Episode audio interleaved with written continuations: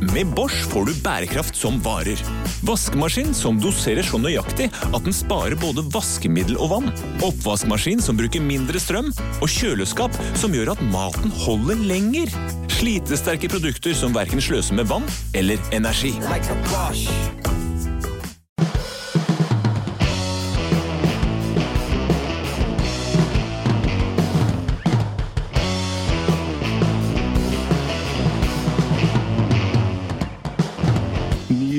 ny mulighet til å fornærme folk, Petter. Eh, rett før eh, vi skrudde på lyden her, så sa du Per, du bærer jo av og til preg av et litt usunt liv.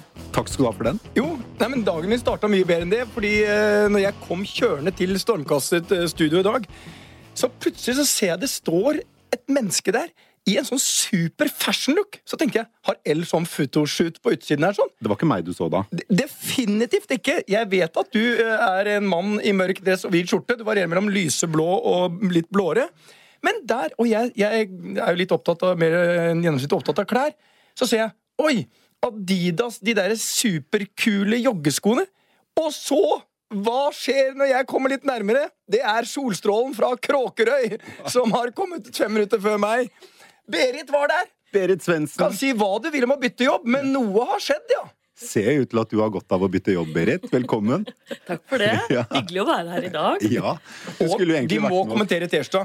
Girls can do anything. Ja, det er bra. Altså, her, det er mye girl power her i dag. Det er det. Fordi eh, vi har jo ikke Forrige uke var det jo gubbevelde i studio. Men denne uken så er det eh, full likestilling i, i rommet. Fordi eh, Lise Lyngsnes Randberg er også her. Hei, Lise. Hei! Velkommen, Tekna-president og NTNU-professor og uh, gud vet hva du ikke er. Gründer og så mye. Det er godt å ha dere begge her. Og uh, det passer jo godt da. Du, Berit, du er jo fast medlem av stallen, men, men røk ut uh, forrige gang uh, du hadde sjansen til å være her, uh, fordi det var samme dag som du sluttet i jobben i Telenor. Og det ville jo vært en, en betydelig unnlatelsessynd fra, fra vår side hvis vi ikke spurte deg litt om det. Hva skjedde?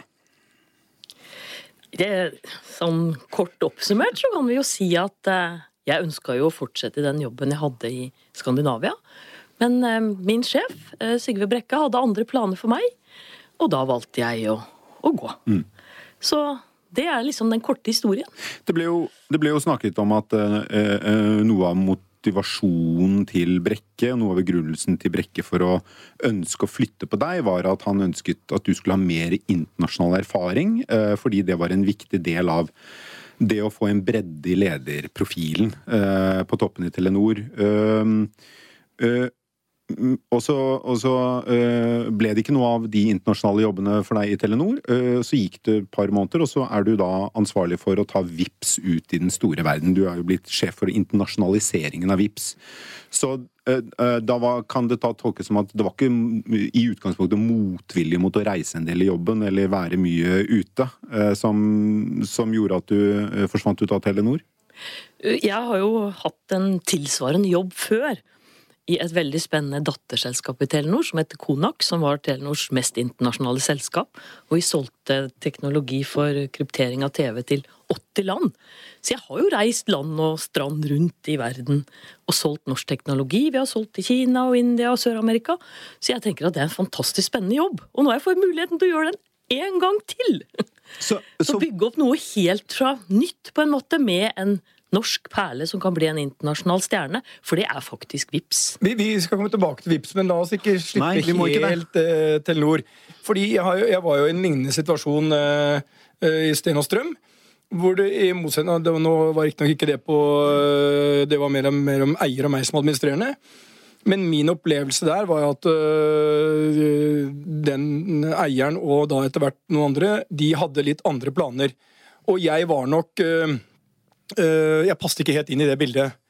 Og jeg tror hvis vi, som, øh, ikke nødvendigvis, er- Jeg sier ikke at det er sånn i Telenor, men det er jo et visst trekk blant ledere at hvis det er noen som har veldig andre syn på utviklingen, eller gir motstand, eller tør å stå opp for sine egne meninger, altså som representerer mangfoldet, som vi har diskutert i poden her før med Hansen, ehm, så er det nok enkelte ledere som ikke forstår at det er med å utvikle selskapet, og de blir mer, føler at de blir mer personlig utfordra av det.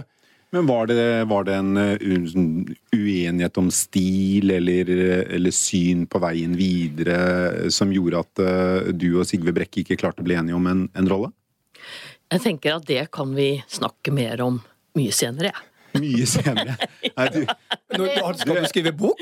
ja, Jeg har jo bok? Ja, det kan jo hende, men, Ja. men det har jeg liksom ikke helt bestemt meg for ennå.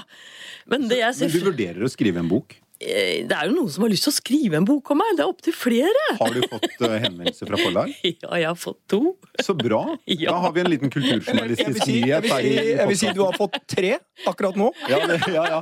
Det, det, Strawberry Publishing er, er på banen her ja. nå. Men, men Berit henger nå på grillen, og vi må ikke, vi må ikke eh, slippe den helt ennå. Fordi vi, vi er jo fan av deg, Berit. Det tror jeg både du har fått med deg, og lytterne har fått med seg. Men eh, eh, det ble jo også sagt at du var litt sånn vrang. Ikke sant? At du, at du liksom eh, Noen har hevdet at du eh, var så skuffet over ikke å få konsernsjefjobben den gang Sigve Brekke fikk den, at du har liksom bitt deg fast, og nå skal du søren meg bare bli der til du får den når Sigve Brekke slutter. Andre har sagt at du har liksom bare ikke villet flytte på deg, eller ikke, ikke liksom vært en del av teamet.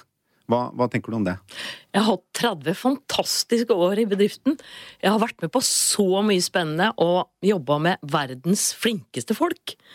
Så jeg ser bare tilbake på alt dette med stor glede. Ja, men Og så er det sånn at uh, nå kom denne muligheten med Vips opp, og jeg er superglad, for jeg Mm. kommer til å jobbe i et teknologiselskap som som har så store ambisjoner til å gå internasjonalt, og har bygd merkevarer og gjort det så fantastisk bra i Norge. Men det hadde du muligheter til å gjøre med Telenor også? Et av eh, verdens ledende mobilselskap. Det var mange muligheter for deg der. Og likevel så sa du nei til de tilbudene Sigve Brekke tilbød deg, og det gikk så langt til at selv styrelederen i Telenor, Gunn Versted, måtte kommentere et medlem av ledergruppen i Telenor sine jobbutsikter. Det må være første gang i eh, historien Det er i hvert fall- Oslo Børs. Jeg kommer ikke på en, et lignende tilfelle. Og, og, og, og eh, eh, vil du si Har du vært vrang? Det tror jeg ikke at jeg har vært. Jeg har sett muligheter overalt, og nå ser jeg muligheter i Vips. Tenkte du at hvis jeg bare biter meg fast her, så slutter Sigve Brekke en dag, og da får jeg jobben? Jeg har aldri hatt noen intensjoner om å bite meg fast noe sted. Jeg bare ser muligheter og har lyst til å gjøre en god jobb, og den muligheten får jeg nå i Vips. Så jeg gleder meg til å begynne. Du har jo mistet din eh, trofaste følgesvenn på kommunikasjonssiden fra Telenor-tiden, men eh, har åpenbart lært noe av henne, fordi du, du svarer jo godt og unnvikende på en del spørsmål her. Men, men altså, det er en ting vi ikke kan la være å snakke om når vi snakker Nei. om den saken her. Og det er jo nettopp Berit sin bakgrunn. Hun er jo teknolog. Mm. Dem blir det tynt av i Telenor-ledelsen Ja, det er vel én med teknologiutdanning i ledergruppen i Telenor i dag. For øvrig en kvinne. Ja, og det er jo enda bra. Men eh, det er jo altfor lite. I et så tungt, så stort teknologiselskap, så er det jo viktig at du har innsikt i faktisk det du holder på med òg. At du skjønner virksomheten. Hvordan så, hvordan så du på, på det som eh, for alle oss på utsiden så ut som en maktkamp mellom eh, Sigve Brekke og Berit Svendsen? Hvordan så du på det? Nei, altså, jeg så jo den saken like mye fra utsida som alle andre. Og Men det, det, med ditt perspektiv og din bakgrunn, hvordan så du på det det? jeg generelt er opptatt av, Men er spesielt at i denne saken. ja, hvordan så du men jeg skal komme til det. Ja. Men generelt så tenker jeg at eh, teknologer har en helt naturlig plass i ledelsen av teknologibedrifter. Det er viktig. De skal være både i styret og de skal være i ledergruppa for å forstå hva bedrifter holder på med. Og i den saken her, når det blir fremstilt som om Berit er vrang, altså kan det hende at du bare er teknolog, da. At du har litt annet syn på verden enn det andre har. At du ser ting fra litt annet perspektiv. Ja. Er det tilfellet, eller? Var det det som var um, Altså, Noe av Teknologer har litt annet perspektiv på verden enn f.eks. økonomer. Sånn er det bare. Ja. Ja, Men jeg syns det der er en ganske fin overgang. Eh, du kan ikke komme noe her nå. Teknologer har et annet syn på verden enn økonomer. Ferdig snakka. Men, eh, men da, for, for, for, for jeg som står for den mer positive delen, du for den mer undersøkende journalistikken her sånn. Eh, Vil, har jeg- du nå tenkt å slippe Berit av grillen? Jeg eller? slipper henne ikke av grillen, men jeg tar henne av eh, grillen. Skrur ned. Ned eh, ja. nå, nå skal, nå skal, men Med på sånn god lunk? Nå, er det, nå, nå, nå går vi inn i neste fase. Jeg skal ta ikke desserten, men det er sånn det som eh, også Ja, for desserten er ukas bær. Ja, det det, det er et, uh, ukas jordbær. Ja. Men det jeg skulle si var Det er én ting i dette som jeg syns er vakkert og fint. Det er ikke en krise om du får spark Nå fikk ikke du sparken, altså, men du er eller om Ja, du blir presset. eller gjorde Nei, du, ikke presset, fikk, du fikk sparken, gjorde du ikke? nei, nei, Nei, ikke. nei. Det Nei, jeg valgte å gå. Du valgte å gå. Ja. Nei, vi for. Det kalles uh, management nudging. Ja. Altså et lite, eh, et lite vennlig dytt i ræva uh, for, uh, for at du må finne på noe nytt. Og skal man da vurdere det fra utsiden, som vi jo gjør, Petter, så var det jo det var en god del nudging, da. Det, det, det, det grenser vel til mer enn bare nudging. Men eh, vi forlater kondomledelsen i selskaper og går til mulighetene som da åpenbart har kommet her sånn. Og det mange eh, må vite, det er akkurat når du føler som at fader, mister jeg alt det jeg har liksom bygd opp? Nei, da kommer det plutselig noen nye muligheter. For det er jo ikke sånn at eh, noen tvilte på at Berit var jævla flink.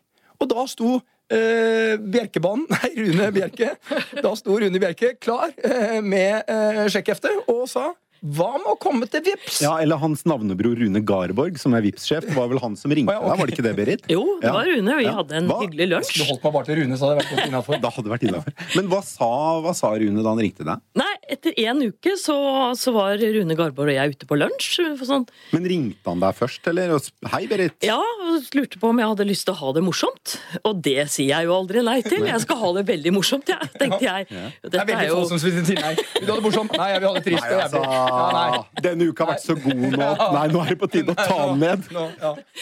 Og da sa Rune vi har noen spennende muligheter i Vips. Da tenkte jeg Vips? Du verden. Eh, og det var jo sånn det bare etter en uke, og da liksom kjente jeg at jeg begynte liksom Wow! Kanskje det er dette jeg skal drive med fremover. Eh, ha det gøy med Vips. Og så satte vi oss ned og hadde en lunsj. Hvor spiste dere? Eh, Vi spiste på Nodé. Vi satte oss litt inne i kroken, da, i og med at det er like i nærheten av steder hvor veldig Ja, mange andre ferder. det var Nudi på Barcode, og ikke den oppe på Nei, den Nei, det oppe på på, ved Frognerbadet. Den Nei, det eksisterer vel ikke lenger, nei. Så den på Barcode, ja. Det var på Barcode. Ja. Så han og jeg satt oss inne i en krok eh, og diskuterte. Og det var altså full klaff, det. Sånn på det profesjonelle med hva er det han ønsker å gjøre med VIPS, og hvordan kan jeg passe inn i det bildet med å ta VIPS internasjonalt. Og tanken på at det da ikke er topplederansvaret, eh, var det noe du tenkte på eh, før du bestemte deg for eh, jobben? Nei. Jeg er bare opptatt av oppgaven, jeg. Ja. oppgaven og kan du si, ambisjonene til selskapet. Det at det er så fundamentert på teknologi, at det er så store teknologiendringer som gjør at du kan ta noen store steg fremover. Uh, og at de har vært så flinke til å bygge merkevare. Med all respekt, det er ikke mange norske bedrifter som har klart å bygge en sånn merkevare. Det er den merkevaren som er best likt blant ungdom. Ja, det, og, og på veldig få år. Og det er jo fantastisk hvor, på hvor kort tid VIPS har gått inn i hverdagen vår som en helt sånn naturlig verktøy. Ja. Det har blitt et eh, ord blitt et- å ja. vippse. Ikke ja. Men jeg, jeg, jeg ser Men en, bare en fra- liten ting. Eh, Du sa 'gøy med VIPS. Eh, Dattera min Emilie hun, eh, jeg sa 'hvordan bruker du VIPS?' Og så, så forklarte hun meg alle de tingene hun gjorde med VIPS. Men det var én ting som overrasket meg. Hun bruker også til å kommunisere med vennene sine. For du kan bruke det som en sånn tekst, eh, nesten sånn Et message-greie. Ja, chatteverktøy. Så på lørdagskvelden så kom plutselig sånn eh, innenfor sånn overfør eh, 200 kroner. Det er sånn vennekost eh, Det er kostnader. Det er sånn. Og da har de en egen sånn som viste meg hvordan de da brukte det. Og det, det trodde ikke jeg fantes. Og så visste de meg alt det de gjorde med VIPS. Så det er jo, eh, altså, Dette forteller litt om hvor raskt teknologien utvikles. Men én ting jeg lurer på i det teknologiracet vi har. Er det ikke sånn nå at the winner takes it all? Altså, det, det står igjen én stor eh, aktør, liksom. Du har giganter der ute. Og vips, la oss være enige. Store i Norge, men det er kanskje også det eneste. Ja, Det er jo et, et veldig godt eh, spørsmål, uh, og den som hadde svar på det. Men det jeg tenker vi må se litt på, det er hva har gjort Vipps så vellykka i Norge. Uh, Hadde DNB tatt dette ut alene, så når man bare 30% av markedet. Og det er jo ikke noe spennende. Vi må jo dra opp hele befolkningen. Alle kundene må med, alle bankkunder i Norge. Og Derfor tok man alle bankene med på laget. Og det er jo over 100 som sitter med eierskapet i VIPS nå. Og det gjør at dette har blitt så fantastisk suksess i Norge. Og så er det to ting som VIPS har vært knallgode på. Det ene har jo vært inne på det å ha kunnskap om å bygge en merkevare. Jeg synes jeg er med all respekt, det er jammen ikke mange bedrifter som evner å gjøre på den måten. Og det andre er at de har kunnskap om hvordan man tar digitale posisjoner. Og de to tingene skal vi nå ta internasjonalt, sammen med den oppfatningen at det er den norske og nordiske samarbeidsmodellen innenfor bank. Dvs. Si at vi må samarbeide med lokale partnere som kan reguleringen, som kan det lokale markedet. Og får vi til det, så er jeg helt sikker på at vi kommer til å gjøre det noe ganske stort internasjonalt. men, men, men du må jo forsvare VIPS. Eh, Men hvis jeg snur til Lise bare, Lise, Hvis du ser for deg at du følger med på dette greiene Nå har kongefamilien vært i Kina. Eh, Med et helt eh, skokk av internasjonale og nasjonale eh, selskaper og personer med seg. Der har du et helt annet selskap som er totalt dominerende. Mitt spørsmål liksom går eh, det der Alibaba. Ali, nei, Alipay. Ja, som er en del av. Alibaba. Alipay. Og det er det jeg er ute med. er sånn, I Google, Facebook, alle de tingene vi ser, så er det sånn det er én stor aktør som ender med å ta alle, spise alle. Og eh, hvis du skulle analysere altså Berit må jo, som man er når man er religiøs, man må tro. Eh, men eh, du skal da representere eh, mer liksom fagkunnskapen her i dette. Hvis jeg sier til deg har Vips en eh, snøballsjanse i her... Eh, nei, vi, skal omformulere er si. Ja. En, en nubbsjans, en nubbsjans, godt porsgrunnsuttrykk, altså svært liten sjans, for å lykkes internasjonalt. Jeg tenker at uh, hvorfor ikke? Altså Hvis de ikke tror på det sjøl, så lykkes de i hvert fall ikke. Nå, nå, var du, nå, nå er det to politikere her, begge Men, men, Skal vi la altså, det- Berit og Lise gå, så tar vi debatten, Petter? Men det er noe med at uh, Altså, du må trigge noe. Du må treffe noe. Og kanskje først og fremst hos de yngste brukerne.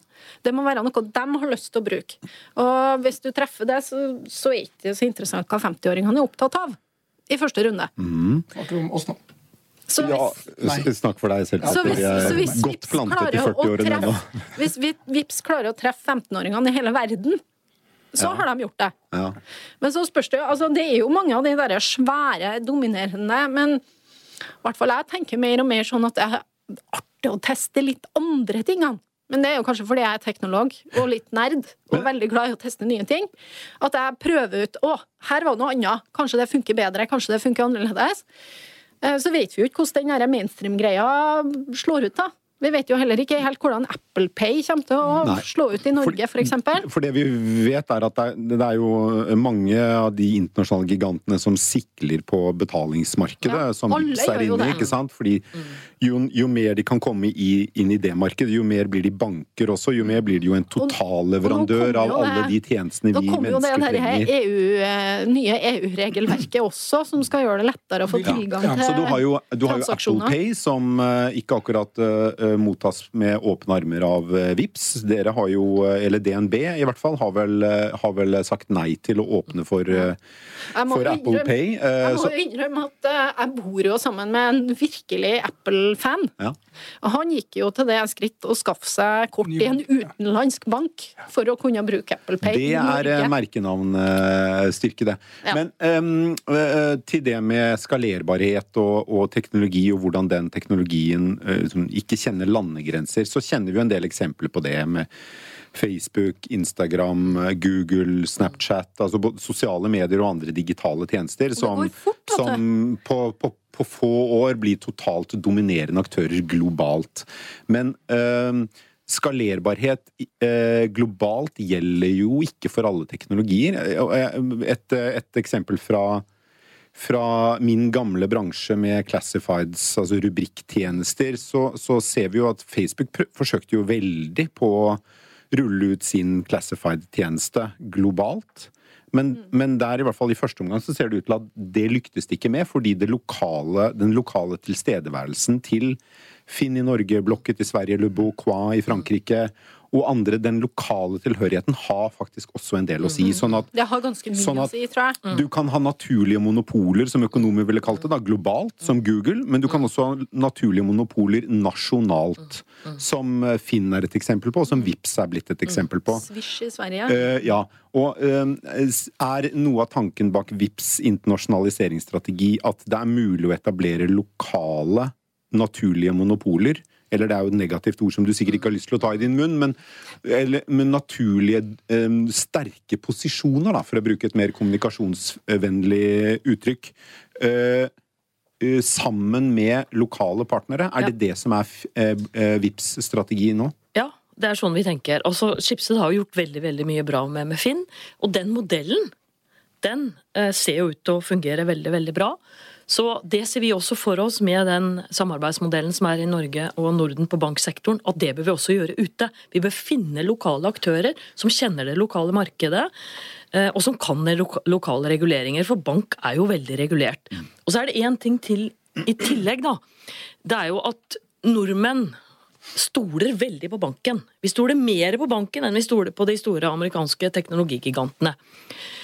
Én ting er å dele bilder ikke sant? på Facebook og, og på Insta. Men vil vi begynne å la disse aktørene også begynne å administrere pengene våre? Jeg synes Det er liksom et neste steg som jeg tror man vil tenke mer på enn bare bilder. Ja, jeg, Men tror, der- jeg tror jo svaret der- på det er ja, hvis f.eks. DNB inngikk et samarbeid med, eh, med Apple Pay. Mm. Ja. Men kanskje tja eller nei hvis DNB sier nei Ja. til et sånt samarbeid. Men der har, vi, der har vi noe interessant. Du sier noe om at vi stoler på banken. Mm. Norge har vi en ekstrem tillit til, i befolkninga generelt, mellom de offentlige instanser, mellom banker, forsikringsselskap osv. Hvis vi benytter oss riktig av det, så kan det faktisk gå riktig bra med VIPS. For da kan vi bygge på den norske tilliten. Og så kan vi selge den internasjonalt. Vi kan si at Norge er et trygt land. Vi har orden i sysakeren. Mm. Her kan du stole på det systemet her, fordi det kommer fra Norge. Hvilke, Og da kan du bruke det som et mm. forretningsfortrinn. når du hvilke skal ut i land er det du skal eh, ut i å være misjonær for VIPS nå, Berit? Ja, det er jo et spennende spørsmål. Eh, Det er jo det jeg må på en måte finne ut av når jeg begynner i jobben eh, 1. november. Så skal jeg sette, sam- sette meg ned sammen med eh, den internasjonale gjengen eh, i VIPS.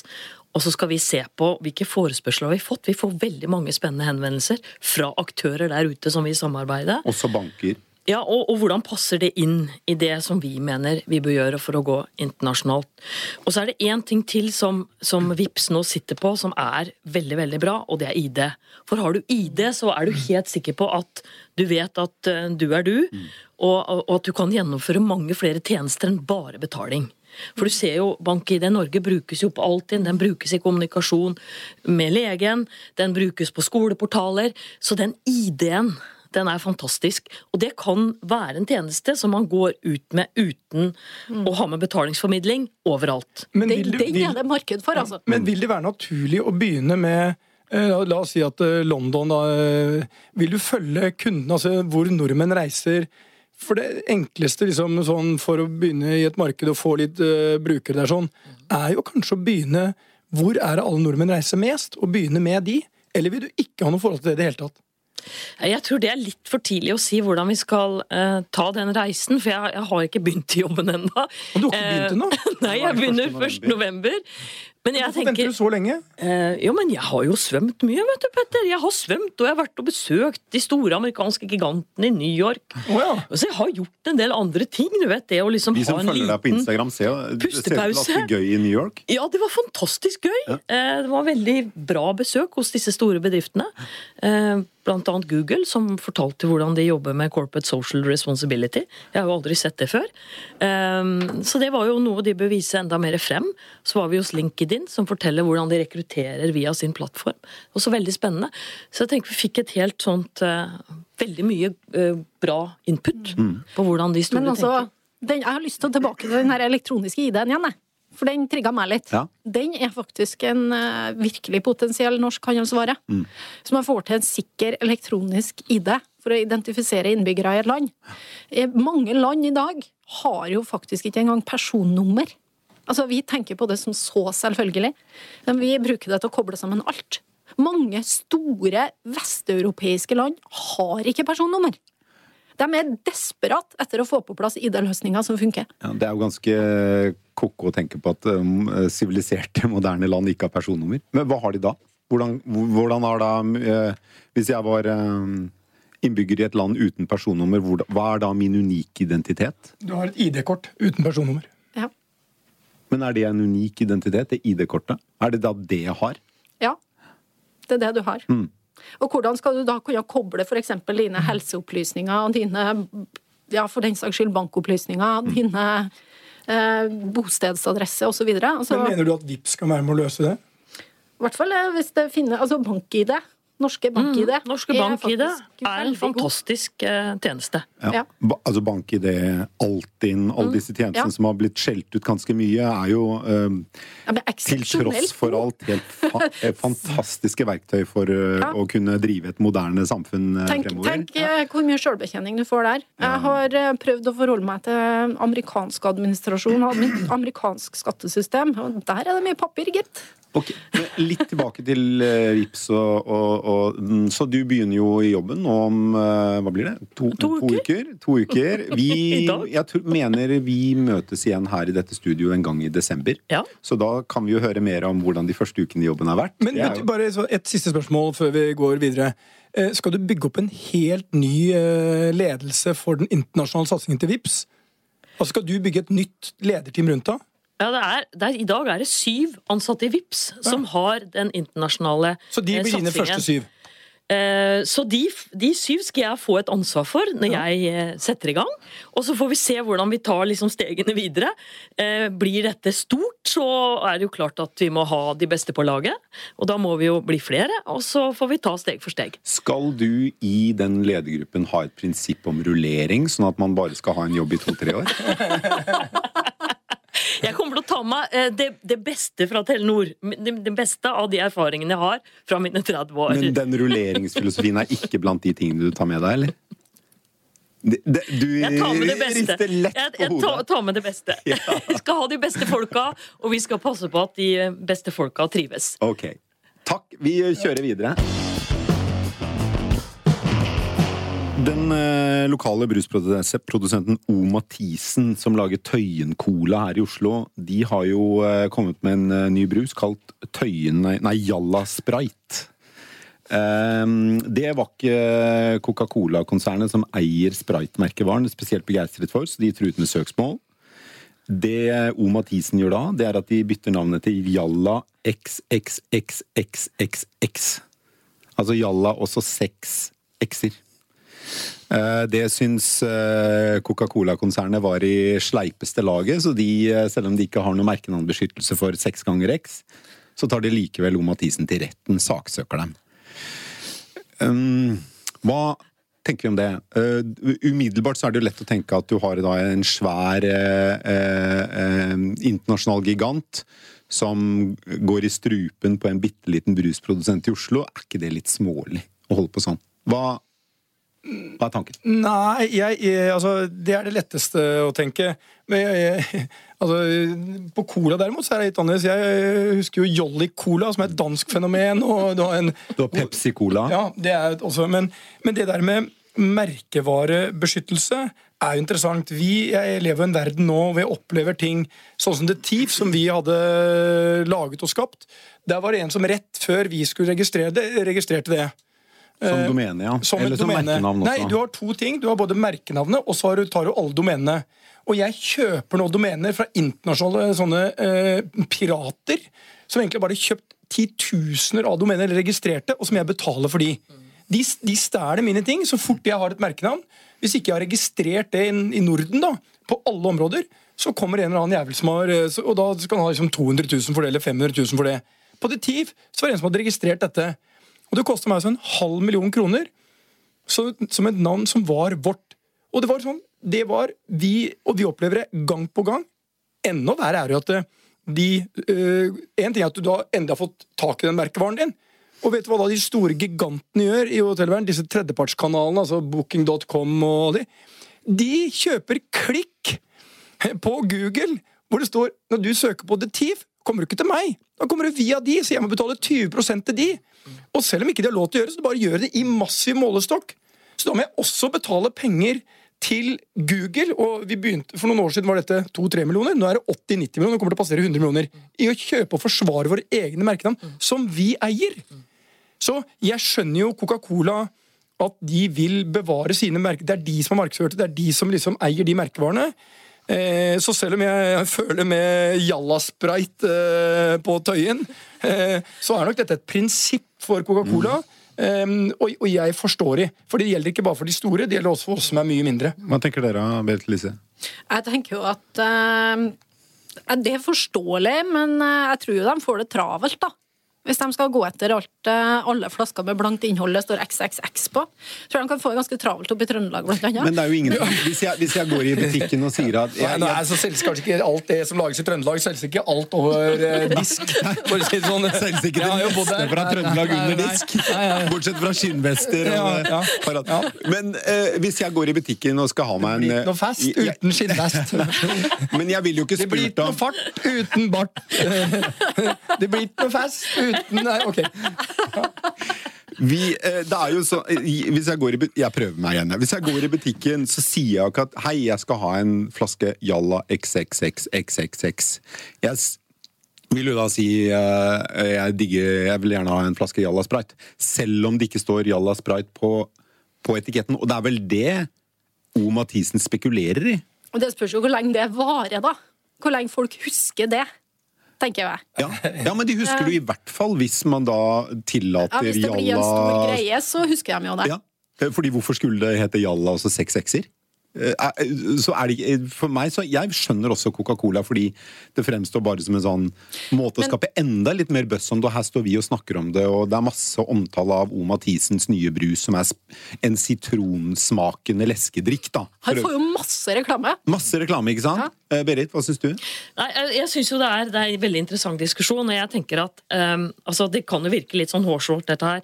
Det er jo ganske stor konkurranse i alle bransjer, og den beste vinner jo, som klarer å liksom få et produkt som eh, kundene vil ha. og Klarer å differensiere seg litt fra de andre. Og Cola er jo en Coca-Cola er en fantastisk merkevare, og de kjøper jo også distribusjon, sånn at de passer på å være i de riktige hyllene. Så de bruker jo de musklene de har, eh, og da kunne man i utgangspunktet si hvorfor kunne du ikke la denne lille aktøren eh, på hjørnet, nesten sånn der mom and pop-shop, eh, holde på med sitt. Og det de gjør nå, er å gi dem masse gratis reklame. Men når det er sagt, så er jeg litt enig med Petter. altså at De store må jo også forsvare seg på merkevaren sin, for det kommer noen imellom her som har lyst til å tjene penger Ja, det vil jo eh, alltid være noen som har lyst til å snylte på kjente merkenavn. det vil det, og da tenker jeg at altså, hvis det dette er jo litt sånn prinsipielt. Men eh, når man nå kjører den veien som Cola gjør, så gir man denne lille aktøren utrolig mye gratis reklame. Ja. Så de kommer nok til å selge en stund på dette her. Det er jo interessant det at uh, ko, fordi det, det er jo også noe sånn Jeg husker fra, Som E24-redaktør så fikk jeg ved et par anledninger sånn snurtebrev fra eh, advokatene til Mårud, som produserer potetgull. Eh, fordi vi da i E24 hadde skrevet artikler der vi omtalte ulike chipsvarianter som potetgull. Og så mente da Mårud at eh, det var eh, et eh, ord de hadde merkenavnbeskyttelse på. Og dermed så Jeg husker ikke i hvilken grad det var en trussel i de brevene, men de ba oss i hvert fall om å avstå fra å bruke det ordet. Ja, Og den var også i retten, fordi Kims fordi Kims kom jo med en chipsvariant da, som de kalte potetgull. Og så endte jo dette i retten, og der tapte Mårud, til tross for at de hadde merkenavnbeskyttet potetgull. Fordi det eh, uttrykket var så godt befesta, innarbeidet, ja, at det kunne de ikke kreve merkenavnbeskyttelse på. Og sånn er det jo også for Coca-Cola, fordi Cola- Cola er så etablert. Har alle lov til å bruke. Ikke sant? Sånn at du har Tøyen-cola, du har Pepsi-cola, du har Jolla, hva- Jolly- Jolly Cola. Jolly-cola og du har, har jo aldri vært i Danmark. Men- Jolly Cola er gigantisk. Ja, men, mens, eh, så, det, så det er jo sånn, det er jo noen hårfine linjer her òg mellom det som er merkenavn som man da ikke kan merkenavnbeskytte, til tross for at man har merkenavn eh, eh, fått merkenavngodkjenning. Og så er det da Sprite, som da åpenbart ikke er så etablert at det blir, vil bli at det er over grensen, Nei, men det, med altså, Cola i hvert fall. Dette, dette er veldig enkelt. Det, det er, til alle tider så har vi hatt disse utfordringene. Vi kan bare gå noen år tilbake. Når det var eh, Levis 501, som var den store jeansen, så kom det eh, noen av Norges beste klesgutter, Ola Mæle og gjengen rundt han, lagde noe som het Henrys Choice. Men det var jo omtrent en kopi av 501. Altså, Det var noen sånne knapper som man endra på seg. Og det er klart, da, eh, selv om de har et annet navn, så sier bare Levi's det her finner vi oss ikke i. Det er vår bukse. De vant jo ikke, for de hadde forandra på nok knapper til at det holdt. Men det er klart, jeg forstår de store. De har brukt altså, de bruker uendelig mer penger på å markedsføre. Se på Apple, vi snakker om det. Det er jo også en ting. Det er klart, De kjemper som var det. Ikke, det, er, det, er, det er liksom, Brandet vårt er det viktigste vi har. Så la oss si sånn, Jeg forstår eh, at de vil forsvare det. Det er verdien deres. Eh, for det er sikkert ikke vanskelig å kopiere en jeans, det er ikke sikkert vanskelig å kopiere en telefon. Men det er liksom, jeg er medlem av den klubben som faktisk har den telefonen. For øvrig, jeg snakker om det, jeg fikk meg en ny telefon nå. Vet du hva de tar for den her, Berit? Ja, det er dyre og dyre. Ja, så, altså, det- ja, det er mange, mange tusen. Nei, men altså, jeg, jeg fikk helt sjokk. Det var så, Med fullt minne var det 16 000 Ja, det er kroner. helt vilt. Ja, altså, Men, men nå, nå skjærer vi ut her. Vi må, vi ja, må men jeg, bare bare, jeg, ble, jeg tenkte sånn Er det mulig? Det har blitt et high-end-produkt. Men det er jo fordi mm. Apple har jo Jeg tror de har 30% av mobiltelefonmarkedet i verden, men de har 85% av lønnsomheten i smarttelefonmarkedet. Og mye nesten- høyere i Norge. Men det betyr Norge og Norden har de mye høyere det- marked. ja, og- Men tilba- Ja. mitt poeng var bare det. Ja. Hvorfor? Jo, jeg vil være medlem av liksom den klubben. Det er bare ett selskap når du lanserer en ny telefon, at folk ligger i telt eller sovepose tre dager Eller etablerer først. eh, amerikanske bankkontoer, Kan jeg som få lov å mannen til Lise sånn- gjør. Kan jeg få lov å si en sånn nerdeting nå? Altså, det er jo derfor du er her. Du er jo leverandør av Ja, ja, ja. nerdeting til Men podkaststallen. altså, når, når den uh, nye telefonen kom, så kom det også en ny klokke. Altså, første gangen, altså Alle er jo sånn bare Åh, jeg har lest alle testene og den klokka. ikke sant? Det står jo ingenting om det jeg er interessert i. første jeg gjør, jeg kommer inn i en butikk der de faktisk har den klokka, det er å gå bort til den, så tar jeg den opp, og så snur jeg den, og så ser jeg bakpå. Yes! Sensoren! Teknologi. Sensoren? Ja, fordi du er jo sensorekspert. det var- Og de har jo forandra eh, sensoren nå. Ja, okay. Bare for meg som den bare eh, sånn. Bare ta dette helt Hva Nei, fordi, er det som er så stort eh, nå? Lise er jo professor i sensorteknologi. ikke sant? Men hva er det med den sensoren som er så genialt? Ja, men altså, Har du skjedd, har du sett bakpå en klokka i hele tatt? Eh, nei, det er sånn, Ikke spør meg om jeg åpner panseret på en bil når jeg kjøper en bil. Jeg er, eh, men eh, vi er litt forskjellige. Lise. Men bare forklar meg. men Gi altså, nå- korteversjon nå, sånn at alle kan forstå. Nå har de da gått fra en veldig enkel sensor til en mye mer komplisert sensor på baksida av den klokka. Og jeg har vært inne og sjekka patentdatabasene, hva Apple har patentert. Hvem er som gjør det? Hva Apple har patentert nå eh, i det siste. Og her er vi eh, på gang med en medisinsk revolusjon. Ja, den kan måle ja, men det, det, Nå har de jo kommet med EKG-leser i USA. Og nå, det kommer til å komme mye mer. For å si Du kan sånn. forutsi hjerteinfarkt. Kan du det? Altså, Du vil kunne gjøre det hvis du samler på de dataene og bruker litt kunstig intelligens på dere- når den begynner å bli, når den blinker rødt, dra rett til første og nærmeste sykehus. Yes. Du er i ferd med å få hjerteinfarkt. Men- Men dere, nå må jeg Det var så kult! Ja, dette, ja, men dette, det, vet du hva, det, dette er superinteressant, men, det, men det, er, det hører inn under min oppgave i dette rommet å holde styr på galskapen, og det er søren meg vanskelig. eh, Men jeg skal gjøre et lite forsøk nå. Dra oss, dra oss tilbake den til brus... Ja, ja, Petter, men nå må, du, nå må du la meg gjøre jobben min her. Skal vi sensoren Ja. Lise, Det er Lise, første jeg skal se. Da skal jeg forklare Kanskje jeg bare skal gå ut av gruppa? Skal jeg gjøre det? Dra oss tilbake til uh, Jalla Kor- Så brusprodusent O. Mathisen, skal vi ha en uh, håndsopprekning her? Hvem støtter dem? Altså, Jeg klarer jo ikke å la være å støtte underdogen. altså. Lise, du støtter brusprodusent O. Mathisen. Ja, altså, halv støtte fra meg, da. For jeg skjønner, jeg skjønner begge to. Ok, Ja. Petter, du holder hånda nede. Jeg holder hånda nede. Jeg syns uh, Et steg over grensen. Ja, jeg syns også Jeg det. har, Jeg syns, jeg syns det er sleipt. ja, ja. Jeg syns uh, det er å gå for langt. Første gang vi har vært enige på lenge. det.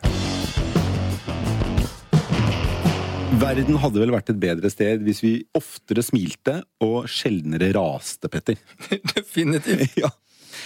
Denne uken har det vært en del rasing uh, mot veganerne. Og grunnen til det er at uh, veganerne Det var kanskje veganerne som begynte å rase litt først.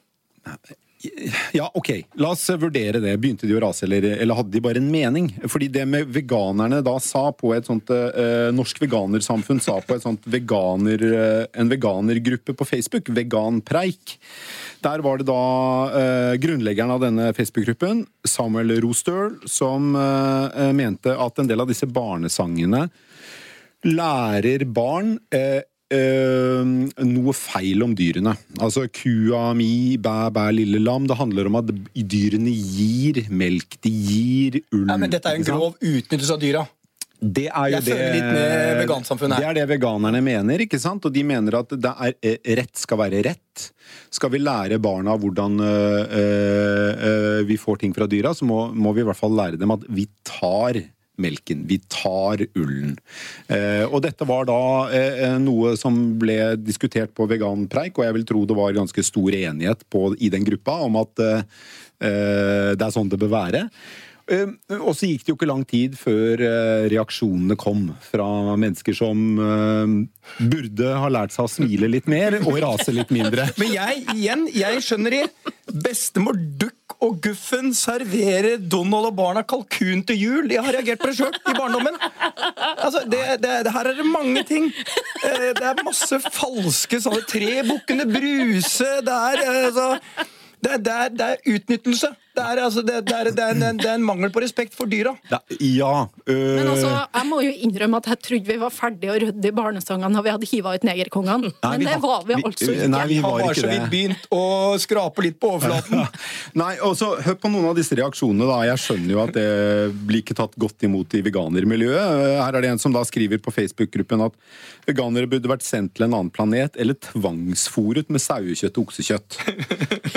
En annen sier 'stakkars drøvtygger av noen folk'. Og en tredje 'de burde sendes til konsentrasjonsleir'. Nei, men eh, Ja. måte på. Men altså, da har jeg lyst til å sitere Knutsen og Ludvigsen.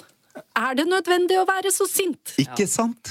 Kan man ikke bare la folk Men de òg var jo på kant med den der 'det bor en grevling i taket'. Grevling, Altså, grevelang. Ja, ku, ja, ja, Det er, ja. det er jo det som er så fantastisk å bo i Norge, at vi har egentlig mulighet til å si alt. Og så må vi jo stå for det, men vi må jo på en måte ikke hisse oss opp over at noen har så mange andre meninger Jeg, enn jeg det syns vi du tar veldig lett på dette. Eh, Så- Jeg er fortsatt på eh, vegansamfunnets eh, side her. Ja, og det er vi jo eh, alle fire, høres det ut Jo, men altså, at, Ha eh, respekt for dyr er jeg jo helt enig i.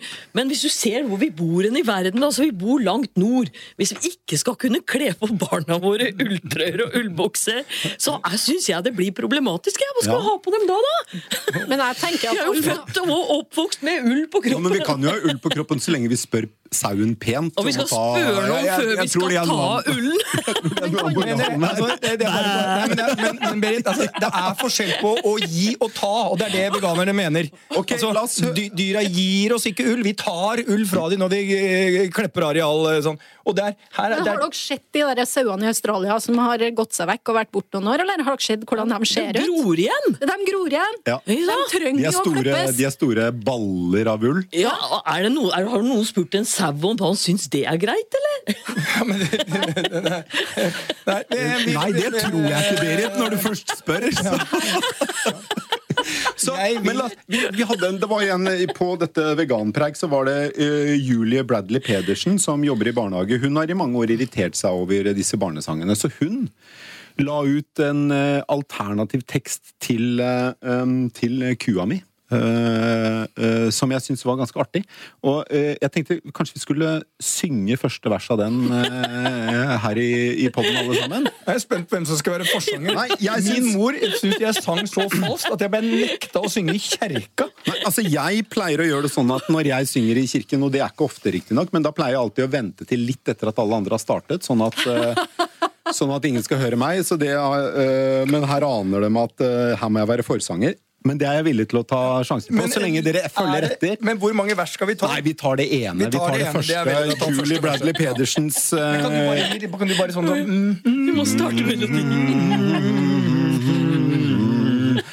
Ikke sant? Ja. Så jeg jeg synes du må telle opp. vi tar det første verset her og nå, så for å, eh, om ikke annet for å smile litt mer av folk som tør å stikke nakken ut, i stedet for å være så sinna på Ja. dem. Og det er vel respekt eh, til de som tør å stikke ut huet og si noe.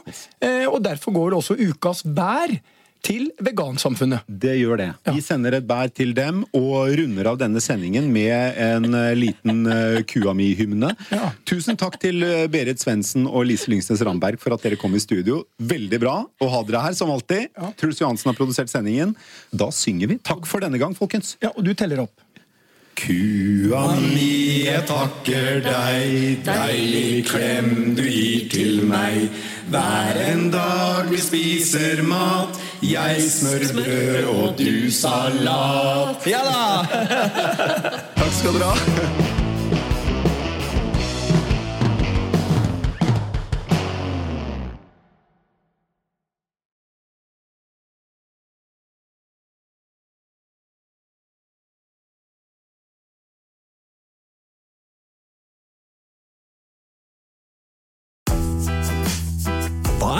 Forskjellen mellom et kjøleskap og et annet?